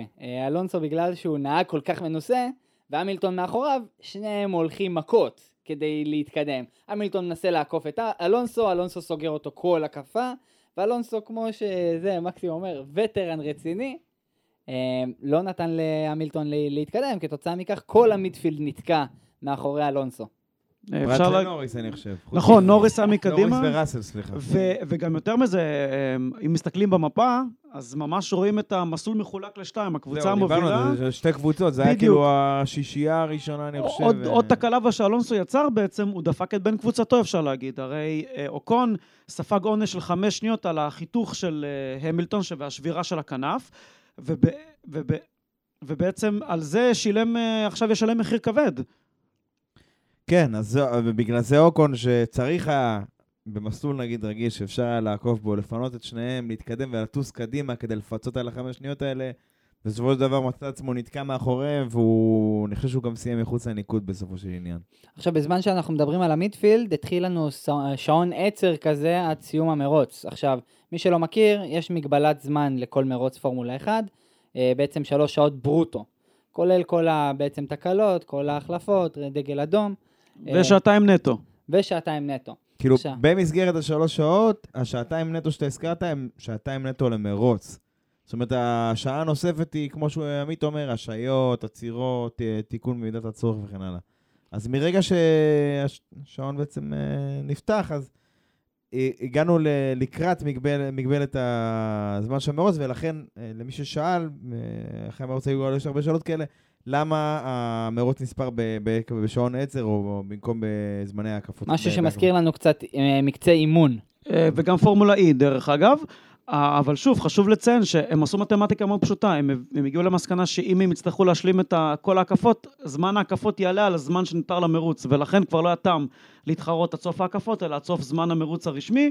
כמו שאנחנו אומרים, זה זמן פלוס הקפה. זאת אומרת, בסוף הזמן יש עוד הקפה אחרונה לניצחון, מאוד מאוד דומה למי שמסתכל בפורמולה E. טוב, תשמע, לג- לגבי הסוף של המרוץ, אנחנו דיברנו על זה, כאילו פרז היה לו את העניין של ה graining, היה לו שחיקה די רצינית, אני חושב שבכל מסלול אחר סיינס היה עוקף, עוקף אותו, ועל הקרב הזה בין הרביעייה הסופית הזו, שהיא בסופו של דבר הצטמצמה לכדי 2-3 שניות שסיכמו את כל הרביעייה הזאת, הם כולם היו בטווח DRS. הרבה דיברו על זה, אתה יודע, זה כאילו, כן, זה מה שנקרא שיירה, או משעמם, כן מעניין, לא מעניין, יש מקום למרוץ בסבב, אין מקום. לא יודע, אני ברמה האישית נהניתי מהקרב של הרביעייה הזאת, זה היה קרב צמוד, זה אפילו סוג של קרב מוחות כזה. כל אחד לוחץ, אה, מפעיל לחץ על השני, בתקווה שהוא יעשה טעות, נגיד בכניסה לשיקן ינעל, או כל דבר אחר, וכאילו, ברור לך ש... נגיד גם סיינס, שהוא ניסה להשיג את פרז, ב- בפעמים שהוא נאלץ ללכת קצת אחורה, שהוא פרז צריך לברוח לו, אז הוא מצא את עצמו צריך להגן פתאום מוורסטאפן. זה... לא יודע, אני חושב שגם אם בסופו של דבר לא יתבצעו עקיפות ולא היו חילופי מיקום בין הרביעייה הזאת, אני חושב שעדיין זה ראייה נוספת או הוכחה נוספת ליעילות של התקנות החדשות בעניין המרוצים הקרובים יותר. ואני מקווה שבמרוצים הבאים, אה, במסלולים שבהם כן אפשר לעקוף פה ושם, אנחנו נראה את זה ביתר שאת, כאילו, במסלולים שבעבר היה קשה לעקוף בהם, למשל הונגריה ו- וסינגפור אולי בהמשך הדרך. חד משמעית, אני לא חושב שהיינו זוכים לקבל קרב אה, למשך כל כך הרבה הקפות, שכולם בטווח ה-DRS. התקנות הישנות היו בעצם מאלצות המכוניות הרודפות לתפוס מרחק כזה מנת לקרר את הרכב, מה שלשמחתי הרבה אה, התאפשר פה, אבל לצערי הרבה גם המסלול בעצם מנע מעקיפות, למעט אה, טעויות חמורות שלא קרו בסופו של דבר. אם אנחנו מסתכלים על זה להשוואה ל-2021, אה, מונקו, אז היה אפשר לראות שמונקו ב-2021 זה היה סוג של אה, ממש תצוגת תערוכת מכוניות. אה, פורמולה 1, רכבים, עושים 77 סיבובים, נגמר. לא היה כל כך הרבה אירועים. מלבד המזפין אה, עם אה, מיק שומאחר שהיה שם החלפה, זה גם היה בהקפה הראשונה. ד- דרך אגב, שוב, אם אתה שואל את דעתי האישית, אה, זה עדיין היה סוג של תערוכת מכוניות, כי אני אישית חושב שהמסלול הזה חייב לעבור שיפוץ מאוד רציני, או לחילופין לרדת מהסבב, לא בגלל שאני לא חושב שההיסטוריה שלו חשובה, אלא באמת בגלל העובדה שהוא לא עומד בתקנות מסוימות, והכי גרוע, הוא לא מאפשר כמעט עקיפות בכלל. תשמע, זה לא עניין שלא עומד בתקנות, הוא כן עומד. כי אם יש הוא לו לא היה המון עומד, אי. אפשר היה זה, אבל... בסדר, אבל אני אומר, אפשר לבוא להגיד, אם הוא לא מתאים לו זה, אז אני חושב שיותר נכון לבוא להגיד שצריך לעשות לו התאמות למכוניות החדשות. אני מסכים, אני מסכים, כאילו, בסוף אבל... הן גדולות ורחבות מאי פעם, וגם ארוכות מאי פעם, נכון. אז כאילו... כן צריך לחשוב אולי על תוואים אחרים, גם ראיתי כל מיני אפשרויות על תוואי היקפי כזה או אחר, בסוף זה לא כזה מקום גדול מונקו, כן? אבל יש אפשרויות, אם רוצים, אפשר uh, למצוא אפשרות, אבל... והבעיה שלי זה, אם אתה יודע, אם... למה אני לא ממהר כאילו להגיד, טוב, בוא נזרוק את זה לפח, נביא מסלול אחר, כי אני... כי אני יודע איזה מסלולים אחרים יגיעו במקומו, אתה מבין? זה לא שאנחנו נקבל איזה... אתה אומר עוד ערב הסעודית או משהו כזה. לא, תראה, עם כל הכבוד לערב הסעודית, אמנם זה מסלול רחובות, אבל הוא על גבול הקבוע כזה, הוא עוד איכשהו בסדר, סביר. אני אומר, מסלול, מסלול, מסלול שלג במיניסוטה. כן, אני לא יודע אם יש שם שלג, אבל... אני, אני הבעיה שלי זה לדוגמה עם מסלולים... תראה, בשנים האחרונות, עיקר המצטרפים לסבב, באמת, ברוב המוחלט, אנחנו לא מדברים על מסלולים גבוהים. אנחנו לא מדברים על, חוץ מאימונה למשל, שזה מסלול ישן, וזה בסדר ומצוין שחזרו אליו, אבל אני אומר, לס וגאס, אה, כל מיני, אולי סין יהיה מרוץ נוסף, אולי כל מיני מקומות כאלה. עכשיו, ברוב המקרים אנחנו לא מדברים על לסלול מסלול קבוע, כמו שלמשל עשו באוסטין ב-2012. אנחנו מדברים בדרך כלל על איזה מרוץ רחובות, עם הרבה ישורות. אה, אתה יודע, לס וגאס, אה, צריך לדבר על זה, זה הרוב ישורות שם, זה כאילו... זה מסלולים כאילו בלי הרבה אופי כאלה. יכול להיות שאנחנו נגיע לשם בשנה הבאה ויהיה מרוץ מטורף ומעניין ומרתק, כמו בקו, שהוא שילוב כזה בין חדש לישן, אנחנו תכף גם נתייחס אליו. אבל בסוף, אתה יודע, אתה, אתה כן רוצה את המרוצים הקלאסיים, לפחות אני מרגיש ככה, ספא, סילברסטון, סוזוקה, מקומות אני כאלה. מסכים איתך, ודרך אגב, אפרופו אתה אומר לס וגאס, אה, הטענה הולכת ורווחת שוב, בהנחה ובאמת מונוקו לא יחדש את ה-. בעצם את החוזה שלו, כן. זה שלס וגאס צפוי להחליף אותו, ככה לפחות הטענה כן, אומרת. טוב, זה האופי של המקום, אתה יודע, קזינואים וסלבריטיז וכל הדברים האלה. ברור, אין שאלה. אני, אני פשוט טוען שעל כל מסלול קלאסי שאנחנו מאבדים, קלאסי זה גם ברמת המספר השנים, גם ברמת ה... יותר נכון, התוואי של המסלול שהוא מסלול יחסית קבוע. אה, אנחנו מרוויחים במרכאות, או מקבלים במרכאות, מסלול שהוא הוא אולי פחות טוב. כאילו סעודיה זה מסלול מגניב, מהיר, זה בעיקר מסוכן, אבל ניקח לדוגמה את קטר, אוקיי? קטר זה מסלול קבוע, שסבבה, אבל... קיצור, הנקודה ברורה. אני חושב שעל כל קלאסי שתאבד, ואנחנו מדברים על מונאקו שבסכנה, אנחנו מדברים על ספא שבסכנה, סילברסטון כל כמה שנים עול- עולה בסימן שאלה, אתה תקבל מסלול אחר, ולא בהכרח יותר טוב. אני רוצה לתת כאן אה, משהו, כי זה מאוד מאוד מעניין הנקודה הזאת. אה, בסוף כשאנחנו מסתכלים על מסלול קלאסי, זה מסלול שנסלל בצורה שהיא בעצם מותאמת לתנאים הגיאוגרפיים שהותאמו לפני שנים רבות. ואם אנחנו מסתכלים על אה, בעצם מסלולים חדשים, אנחנו רואים מסלולים בדרך כלל שטוחים, שהם לא משתנים, מאוד סלולים טוב, וכתוצאה מכך יש אה, תנאים שמאוד בעצם מצומצמים, וכתוצאה מכך בעצם אפשר לראות שהמסלולים האלו יותר צפויים. אני, אני, וזאת אני איתך, הנקודה. אני, אני חושב שזו אחת הנקודות הכי חשובות שיש, כי הוא עולה פה נקודה שהיא מאוד מאוד חשובה. בעבר שהיו היו בונים מסלולים, גם בספא ובסילברסטון וזה, הם עבדו עם מה שיש, עם הטופוגרפיה הקיימת. או לפעמים יה- תשתית קודמת, סילברסטון, אם אני זוכר נכון, בהיסטוריה שלו היה זה שדה תעופה. זה נכון. תעופה במלחמת העולם השנייה. אבל אני אומר, עובדים עם הקיים. אם יש גבעה, אנחנו סוללים על הגבעה. אם יש uh, מדרון, סוללים על המדרון. אם יש... וזה מה שנותן את האופי למסלול. עכשיו, ברור שאפשר לסלול ולתכנן היום איך שרוצים, פנייה עם, עם הטיה זוויתית כזו או אחרת. כמו בזנפורט. וזנבורט, הס- הסקשן החדש שעשו שם עם הטיה כזו זוויתית וכן הלאה וכן הלאה, הכל טוב ויפה. אבל אני אומר, זה רק לראות את ההבדל, זה, כמו שהוא אומר, פעם היו באים לאיזושהי טופוגרפיה שטח קיימת, ועליה בונים, ומה שמתקבל, מתקבל. והיום, בגלל שהכל uh, מהונדס, ש, שדווקא חבל, כי אם יש כל כך over הינדוס, אז למה לא לעשות משהו שבאמת ייצר איזשהו משהו טוב, ולא רק כאילו, אתה יודע, ישורות ארוכות עם אזורי בלימה כבדים בקצה. אני אישית גם, אני חושב שישורות ארוכות זה, זה כיף אולי לצופה מהצד, אבל אני דווקא אוהב הפוך, שיש שילוב בין ישורות לבין יכולת של נהג להשתלט על אוטו בסיבובים בתוואי יותר מסובך. תשמע, ובסוף כאילו כן צריך שיהיה איזשהו ייחוד מסוים. אתה רוצה, כמו שיש את, את הפנייה הראשונה באוסטריה, ואת אה, מה גוזבקת זה סילברסטון. שוב, זה יכול להיות דיון שיימשך, ל- ל- ל- אבל אתה רוצה שיהיה אופי למסלול, נכון. שיהיה משהו שייחד אותו. אם עכשיו אני שואל אותך על, אה, על מיאמי, מה הכי מעניין במיאמי? הלגונה, המלאכותית. סבבה. זה עשר נקודות מקסימום, בוא נתקדם. לא, אני, לא, אמיתי, אבל אני אומר, אני מסכים עם מה שאתה אומר, כן. החדשים, האם יש שם חלק שהוא אייקוני, שאתה אומר, תשמע, כמו הפסל של השור באוסטריה, כמו הסלינג שוט בסינגפור, כמו המנהרה של מונאקו, האם יש חלק שאתה אומר, תשמע, אני רואה את התמונה הזו, אם תעיר אותי באמצע הלילה, אני יודע שמדובר במסלול הזה, כן או לא. זה צריכה להיות השאלה לדעתי. אז אולי באמת לשם המסלולים העתידיים צריכים לכוון. בואו נקווה שמישהו יקשיב לפודקאסט שלנו. כן, אה, אה, גם אה, מהמתכננים, לא רק מהחברים. חד משמעית, חד משמעית. אני, טוב, אני בוא, רוצה בוא כאן... נעשה קצת... סליחה, עמית. יאללה, בוא נתחיל לסכם. בוא, בוא נזכיר קצת על החבר'ה שאולי לא הזכרנו במהלך הפרק, שכן ראויים לציון. בדיוק. אני חושב שלנדו נוריס סיים את המרוץ במקום החמישי. כן, חמישי. אה, עם free pit stop, סך הכל. ועם ההקפה המהירה ונקודה נוספת. הכל בזכות אה, אלונסו, אני חייב... חד משמעית אלונסו, ו- וזה שהיה לו פשוט ים זמן להחליף צמיגים, גם אם אה, אה, מקלרן נרדמים תוך כדי החלפת הצמיגים, והוא עדיין היה יוצא לפני אה, אלונסו. כן, אבל תשמע, צ- צריך להגיד, הוא עושה עבודה טובה השנה.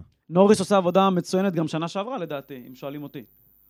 עוד מישהו שבאמת אה, קבע היסטוריה במונקו, פרז, אה, המקסיקני הר... היחיד שהצליח לייצר שלוש, אה, ניצחון... שלושה ניצחונות בגרנד פרי, אה, משמעותי, ובמונקו ניצח.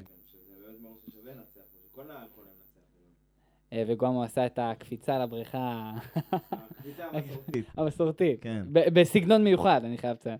שמע, יש אה, שני חבר'ה אחרונים, שאני חושב שבאמת, אה, אם יש כזה פרס חביב הקהל או משהו כזה, הם צריכים לזכות בו. אני חושב שהראשון זה סבסטיאן פטל. גם הדירוג שדיברנו עליו, הגיע ל-Q3 עם האסטון, שאנחנו עוד לא יודעים ככה איפה הם עומדים מבחינת הדירוג אה, ביחס לשאר הקבוצות. הייתי אומר אמצע מינוס, אם אתה שואל אותי, נכון לרגע זה, שוב. סבבה, אמצע מינוס זה בסדר, אבל אז יחס לאמצע מינוס להגיע ל-Q3 זה זה מטורף. מכובד מאוד, מכובד אוקיי. מאוד. אה, משהו שלא ראינו בשידור, זה עקיפה כפולה של פטל על ריקרדו ועל גואניו ז'ו. או ז'ו גואניו, לא יודע מה הסדר בדיוק. קיצור, הוא עקף אותם הקפה אחרי הקפה באזורים שדי קפ... באנטוני נוז, בישורת, בפנייה האחרונה שם. כן. שמע, הוא סיים מרוץ אה, בניקוד, והוא התחיל מחוץ לניקוד. להגיד לך שזה המרוץ הכי טוב בקריירה שלו? לא, אבל שוב, אנחנו חוזרים לנקודה הזאת שלא תמיד אנחנו רואים את ה... את הנקודות המעניינות, לא תמיד אנחנו רואים דברים שיכלו לעניין את כלל הצופים, ולא בהכרח קורים בחזית של הגריד. בייחוד שיש דברים שנגיד אם הגריד, בחזית הגריד יחסית סטטיים, אז שווה היה להראות את זה. דרך אגב, אחת הביקורות הקשות על מונקו זה שהשידור שם הוא בחסות מונקו, בניגוד לשאר המרוצים. בדיוק. נכון, נכון, נכון. ואחת הטענות שלהם זה באמת שהם נוהגים להראות בעיקר את המובילים, והרבה פחות להתמקד במידפילד או בחלק האחורי. אה, ביקורת די קשה עליהם, דרך אגב, תשמע, בנושא הזה. הצרה שלנו שזה נכון לא רק למונקו, אנחנו כבר, בפודקאסט שלנו על העניין של הבימוי, אנחנו הערנו יותר מפעם אחת. אבל שם הבימוי הוא בחסות שלהם, ולא... לא משנה, אבל אנחנו אומרים, אתה יכול להגיד, אם כל השנה אנחנו מראים את המידפילד ומגיעים למונקו ורואים רק תחזית, אז הביקורת היא מוצדקת. אבל אנחנו גם על מיאמי אמרנו את זה. נכון. אז זה, זה לא... זה... הבחור אולי האחרון ש... שאנחנו רוצים לדבר עליו היום זה פייר גזלי. אני חושב שהוא, קודם כל נגיד, הוא, אמרנו, הוא הודח ב-Q1, אה, עצר מאוד מאוד מוקדם לצמיגי אינטר, ובאמת הוכיח את ה... שבמונקו אפשר לעקוב ואפשר, ונתן מרוץ מצוין. עקף. על האינטר כמו משוגע כן. בהתחלה. הכף על האינטרס בעצם התחיל סוג של מהמקום האחרון אחרי שהוא אה, לא, לא, החליף, פרופר, פרופר, במקום האחרון. וסיים במקום ה-11 במונקו. זה אומר לך שבמסלול אחר הוא בכיף היה שבע... משביעי עד עשירי כזה, או משהו כזה, בלי בעיה. לחלוטין. שמע, זה נראה לי הנהג הראשון שאני זוכר בתור צופה שמצליח לייצר כל כך הרבה מקומות במרוץ הזה. הוא עשה עבודה מטורפת. באמת ראוי להערצה, באמת אחד הראשונים שהשכיל להחליף לאינטר. תשמע, דרך אגב, גם זה היה הימור, כי באותה מידה, בתנאים כאלה משתנים, יכול להיות שהאינטר הוא לא מספיק טוב, ואתה היית צריך פול ווט, והוא היה מוצא את עצמו נשאר בסוף נכון, הטור. לקחו פה הימור, לקחו פה הימור. לקחו פה הימור, אבל בוא נגיד, זה לא רק שההימור ישתלם, כדי שההימור הזה יעבוד, הנהג גם צריך לתת עבודה, והוא נתן את העבודה שנדרשת. אה, כן, נגיד. מילה קטנה לפרארי, פרארי הגישו אה, ערעור על הזכייה של פרז ומקס, בעצם אה, מה הערעור? אה, אי יכולת אה, להישאר בקווים הצהובים ביציאה מה pit, בעצם על מה? אה, מקס ב double stacking שהם עשו עם פרז שיצא ראשון ומקס אחריו, אה, מקס במהלך היציאה מה pit אה, חתך בצורה מאוד אה, גבולית לקראת הסוף. ממש לקראת הסוף את, ה, את הקווים של היציאה מה pit. עכשיו, אה, על מה פרארי הגישו? הגישו בעצם שאסור לפי החוקים של ה-FIA לחתוך את הקווים של היציאה אסור מהפית. לחצות את הקווים של היציאה מהפית. עכשיו בעצם אה, מה קורה כתוצאה מהחוקים והתקנות, מה ה-FIA אומרים להם? בעצם FA אומרים להם שהצמיג צריך לחצות בעצם במלוא היקפו את הקו, ואז בעצם היה פה עונש. אבל בגלל שמקס לא חצה במלוא היקף הצמיג את הקו, אז לא יהיה פה עונש. אז זהו, זה, זה צריך לבוא להגיד שגם כאן אני, אני לא כל כך אהבתי את העניין הזה, כי הקטע של הצמיג זה תיקון מהשנה שעברה להשנה. לפני כן זה היה כאילו שהרכב אסור לו לחצות בשום דרך אפשרית, אבל שינו את הנוסח לצמיג. ומאחר ו, ורק חלק מהצמיג חצה את הקו ולא כולו, אז זאת אומרת, אה, זה היה הטיעון העיקרי שהפיל את הערעור של פרארי ושמר על התוצאה של אה, רדבול. אבל הנקודה האחרונה שאני אגיד על זה, וממנה נמשיך, העניין הזה של אכיפה שהיא לא אכיפה... אכיפה אה, סלקטיבית. עקבית, לא, לא רוצה להגיד סלקטיבית, כי זה... כי זה יכול להיות מחר לקבוצה אחרת. אני רוצה להגיד שהאכיפה שהיא לא עקבית, היא תוצר בעיות בהמשך. ראינו את זה בסוף העונה שעברה. ברזיל, הקטע של אה, מקס ולואיס, לא, החלטה לא לחקור, אחר כך סעודיה, אבו דאבי, שכבר דובר רבות על כל מה שהיה שם, גם על התקרית של לואיס ומקס בהתחלה, וגם בסוף, אם כן לתת לעקוב, לא לתת לעקוב. אכיפה שהיא לא עקבית, אכיפה שהיא לא ברורה, חוקים שהם לא 100% ברורים, הם פתח לצרות בהמשך הדרך. ושווה כמובן ש- לכל הקבוצות, זה חשוב מאוד. ה-FIA נוהגים לפעמים לוותר לקבוצות החזקות לא, ולנהגים ב- המובילים. אני, שוב, אני לא, לא יודע לגבי קונספירציות, אני, בגלל זה אני אומר, לא עניין של אכיפה סלקטיבית, אני אומר, היום זה אתה, מחר זה חבר שלך. חד משמעית. היום זה היה אה, פרארי שמה שנקרא, הפסידו רדבול, הרוויחו מזה, מחר זה יהיה מרצדס. ואני מסכים שצריך להיות עקבי לכולם, בלי שמאלה ובלי ימינה. בקיצור, אה, הנקודה האחרונה היא המילטון.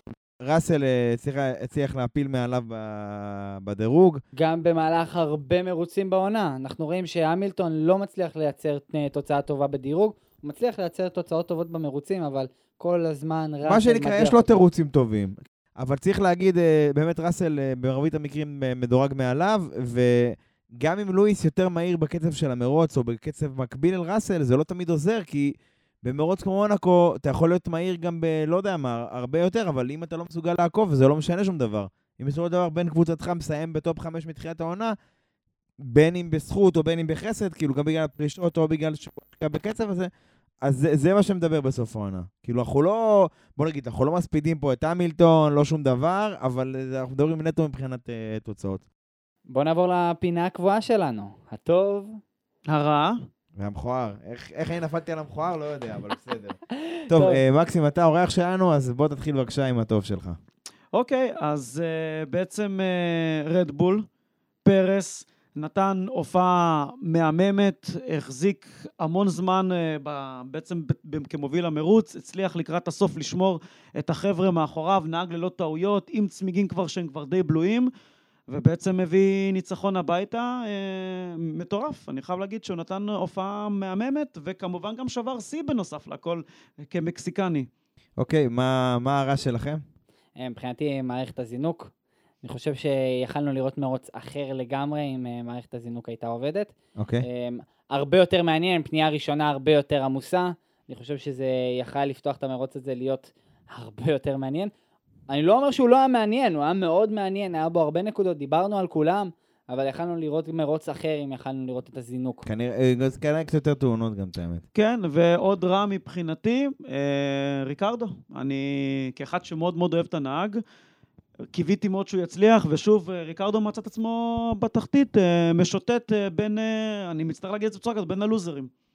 אוקיי, תשמע, אה, בגלל שכבר הבאתם לי את המכוער, אז אני אגיד את המכוער. אבל הפעם אני חושב שזה זה יחסית אה, צפוי, בפעמים שעברו היה לנו דברים קצת יותר מפתיעים. את, ה, את הפרס היוקרתי ביותר של הגריד אנחנו נעניק היום למחלקת האסטרטגיה של פרארי. וואי, ליצנים. אה, תשמע, אה, צריך להגיד, בשנים עברו הם באמת היו עושים מלא טעויות כאלה, השנה הם עושים עבודה מצוינת. בתחילת העונה חשבנו שהם בולט פרוף, המכונית אמינה, מהירה, אסטרטגיה מתקתקת, הכל בזמן, עצירות מהירות. וככל שהעונה מתקדמת, אנחנו מתחילים לראות קצת חורים בחומה הזו, חורים בסכר, אז אתה מכיר את התמונה הזו ש- שהסכר נפרץ ומישהו שם אצבע, כדי שלא... אבל אז מתחילים צדקים מסביב. אבל מה שחשוב לי להגיד זה שככל שהעונה מתקדמת, ו- ובטח שהמרוצים מתקדמים ויש יותר ניקוד והפער נפתח, זה כבר מתחיל להיות uh, בעייתי. יש לי עוד רעיון למכוער, יחסית קצר. אה, זה הרכב אה, של אה, מיק שומאחר, שבעצם מפוצל לשתיים, ויעלה הרבה מאוד כסף להאס לתקן אותו. טוב, נעבור למרוץ הבא. יש לנו את בקו, אה, אזרבייג'אן. אה, מבחינתי אני רואה שרדבול בא ביתרון מאוד משמעותי עם הישורת המטורפת של בקו.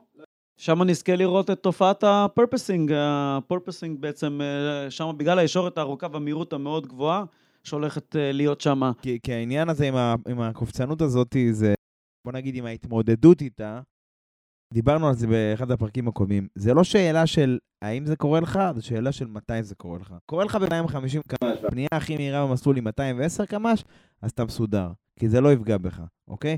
אבל אם זה קורה לך 50 קמ"ש, ובבקו מגיעים בקלות מעל 300, אז אתה בבעיה, כי אתה צריך להגביה את המכונית, ואם אתה מגביה את המכונית, דיברנו על זה, זה, אתה מוציא לעצמך גרר, התנגדות אוויר, וזה לא משהו שאתה רוצה בישורת של קילומטר, במסלול עם ישורת של קילומטר. לא משנה, עם ישורת כזו גבוהה, לא משנה כמה תרוויח בסקטור האיטי, ב- מה שנקרא באזור העתיק של בקו, איפה שהטירה וכל זה. וגם עצר במסלול, כן? מה? גם החלק הצר במסלול. נכון, אני אומר, שלקלר אוהב. לא, לא, זה. זה לא משנה כמה תרוויח שם, אתה תפסיד, אני חושב שההפסד שלך יהיה כל כך גדול ב, בישורת שזה לא שווה את זה. אז אני, כבר אם כבר העלית את זה, אני מעניין אותי לראות איך מרצדס יתמודד עם זה. לדעתי לא. אני... שוב, הם, הם הודיעו לזה לכולם, שבעצם הם סובלים כבר מהבעיה הזאת כבר במהירויות אה, נמוכות יותר מהשאר. לא, אבל בספרד. הם כן הציגו איזשהו עדכון. אה, ממה שאני הבנתי זה כנראה עדכון זמני ולא בטוח של אישורות כאלה ארוכות כמו שאנחנו מכירים בבקו. לא, עוד פעם, מה זה זמני? הם כן שינו את זה, ואתה ש- רואה, ואני אגיד לך יותר מזה, אני ראיתי טבלה, הציגו אותה גם בכל מיני פורומים של הפליטודה, לא... עזוב, בוא נגיד את זה בעברית, של כמה המכונית קופצת ובאיזו באיזו אינטנסיביות. כן. כל, כל אחת מהמכוניות בסבב קופצת, האם אם היא בכלל ובאיזו אינטנסיביות. זאת אומרת, באיזו תדירות, האם זה מ- ב- מקפיצות מהירות, האם כל הדברים האלה. ואחרי ספרד, מרצדס הייתה בין הנמוכות בטבלה, שהיא פחות או יותר הובילה אותה באוסטרליה. אז בספרד הם הצליחו לצמצם את התופעה המשמעותית. במונאקו, אנחנו הזכרנו את זה בתחילת הפרק, הקופצנות שלהם לא נבעה מהסיבות האווירודינמיות, מסיבה של מהלך של המתלים כנראה. שפשוט לא היה להם מספיק מהלך, המכונית הקשיחה מדי, וכל פעם פשוט הגיעה לקצה של המתלה וקפצה בחזרה. בשורה התחתונה, בקו כמסלול, בוא נגיד את זה כמשפט, הכלאה בין מונאקו, אה, בהקשר של הסקטור האיטי, למונזה. לדרישות של מונזה שכאילו צריך top speed וצריך כנפיים אחרות יחסית דקות, שלא צריך הרבה התנגדות. אה, מסלול נחמד, מעניין, אה, הרבה פעמים יש אה, קצת בלאגנים שם בגלל הסק... החלקים האיטיים, תקרית לקלר I am stupid, מי זוכר? בדירוג נכנס בקיר. שעברה הוא גם סיים אה, ב pole position שם, לא הצליח לשמור על זה, גם לא הייתה לו את המכונית לזה. אה, שמע, אני חושב שפרארי צריכים איזה ניצחון, איזה 1-2 מאוד דומיננטי, בשביל להחזיר קצת את הרוח למפרשים, לתת לעצמם איזה מומנטום, איזה רוח גבית להמשך הדרך, כי... תשמע, רדבול, מה, ארבעה ניצחונות? כמה יש להם כבר רצופים? אני חושב שארבעה ששלושה מתוכם מן הסתם של ורסטאפן, והרביעי האחרון של פרז. מתוך שבעה, אוקיי? במרוץ במיוחד עכשיו שהם אה, בעצם הפסידו אותו. הם, המרוץ היה שלהם, הם צריכים רוח גבית אה, כסף על שינוי. הרצפה, אחי, הם היו צריכים לנצח שם, בקלות. לא, כאילו, מה זה בקלות? רדבול מהירים מאוד, אבל בסוף, לקלר היה צריך לנצח, נכון. נגיד. אם ורסטאפן היה עוקף את סיינס במהלך מונאקו, בהנחה שאפשר היה אשכרה לקרוא את זה, אז זה משהו, מה שנקרא מלא, אבל לקלר היה צריך לנצח שם. מבחינתי, אני רוצה לראות את אה, אסטון מרטין בבקו. אוקיי.